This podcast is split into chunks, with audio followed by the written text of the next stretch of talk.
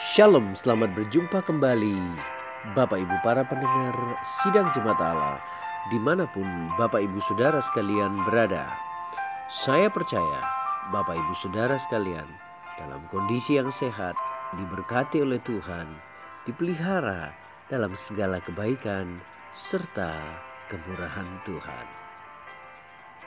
Kita akan mendengarkan renungan firman Tuhan hari ini Dengan judul bersorak di dalam Tuhan.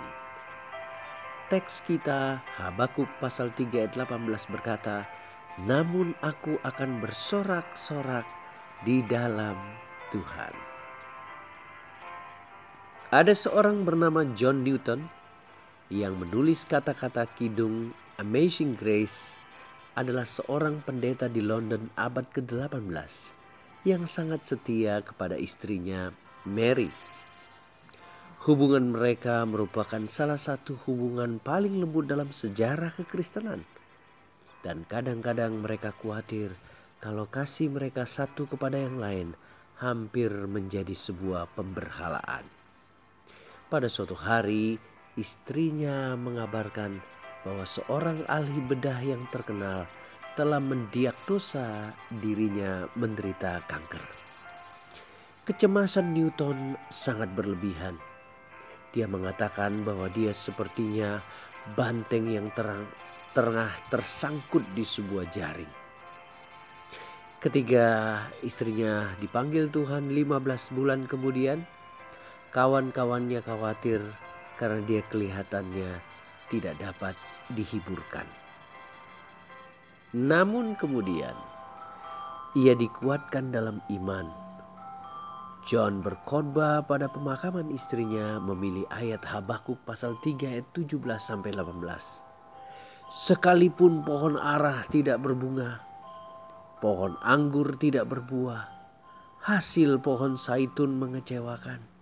Sekalipun ladang-ladang tidak menghasilkan bahan makanan, namun aku akan bersorak-sorak di dalam Tuhan dan beria-ria di dalam Allah yang menyelamatkan aku. Bapak Ibu para pendengar yang dikasihi Tuhan, kita tetap dapat memusatkan pikiran kepada Allah bahkan ketika kita tidak mengerti keputusan-keputusan serta petunjuk-petunjuknya dalam hidup kita. Kita terbatas dalam ruang dan waktu Allah ia yang mengatasi segala sesuatu. Ia adalah Allah yang kekal dan abadi. Kita tidak selamanya mengerti, tetapi Dia tahu dan Dia peduli. Allah mengerjakan segala sesuatu demi kebaikan kita. Dia layak dipuji, bahkan pada waktu yang paling kelam sekalipun dari kehidupan kita. Kita masih dapat bersuka cita di dalam Dia. Bapak, ibu, para pendengar yang dikasih Tuhan, kita mungkin bertanya dalam kehidupan kita, mengapa seorang yang begitu mengasihi Tuhan boleh mengalami kehilangan yang sangat berat, ditinggal oleh orang yang dikasihinya?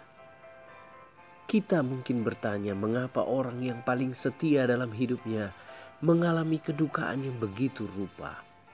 Bapak Ibu yang dikasih Tuhan, kita tidak tahu bahwa dalam kehidupan mereka Tuhan sudah menguatkan. Dan kehilangan itu hanya berlaku sementara waktu saja. Karena suatu saat nanti Tuhan akan mempertemukan kita termasuk dengan orang-orang yang kita kasihi. Sama seperti Horatius Favourt Bapak Ibu Saudara sekalian. Ketika kehilangan semuanya, dia berkata, kita tidak kehilangan. Kita hanya berpisah sementara. Bapak Ibu para pendengar yang dikasih Tuhan. Kunci dari semua tantangan dan persoalan kehidupan adalah mari memandang pada Tuhan. Jangan coba memandang pada diri kita sendiri Ketika kita memandang pada diri kita sendiri, kita mudah untuk tidak percaya. Kita mudah untuk menyalahkan Tuhan. Kita mudah menyalahkan keadaan dan orang lain. kita mudah terus bertanya mengapa dan mengapa. Tetapi ketika kita melihat Tuhan, kita masih bisa bersyukur. Entah mengapa hal itu menimpa orang lain dan bukan kita hari ini. Entah mengapa Tuhan masih mengizinkan kita hidup dan bernafas hari ini. Pernahkah Bapak Ibu bertanya tentang hal itu? Mengapa Tuhan masih mengizinkan saya sampai hari ini untuk menghirup napas hari yang cerah ini?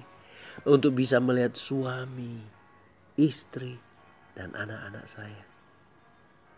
Bukankah itu suatu keindahan yang luar biasa? Maukah Bapak Ibu menyadari bahwa itu pun semua hanya karena kemurahan Tuhan? Bapak Ibu para pendengar yang dikasih Tuhan, kunci untuk bersorak-sorak di dalam Tuhan adalah tetap memandang kepada Tuhan. Meski di tengah tekanan, meski di tengah cobaan, meski di tengah ujian yang berat, kita dapat melihat Tuhan karena Tuhan itu baik. Bahwasanya untuk selama-lamanya kasih setianya. Itulah sebabnya anugerah Allah dalam kehidupan kita begitu luar biasa. Di hari Natal yang akan menjelang ini, biarlah kita boleh bersukaria di dalam Tuhan di tengah pandemi yang sedang kita lewati. Kita percaya Tuhan tidak pernah meninggalkan kita. Albert Einstein berkata, "Satu-satunya kepastian dalam hidup ini adalah ketidakpastian. Guy de Maupassant, seorang penulis Prancis terkenal abad 19 pernah berkata, satu-satunya kepastian di dalam hidup ini adalah kematian.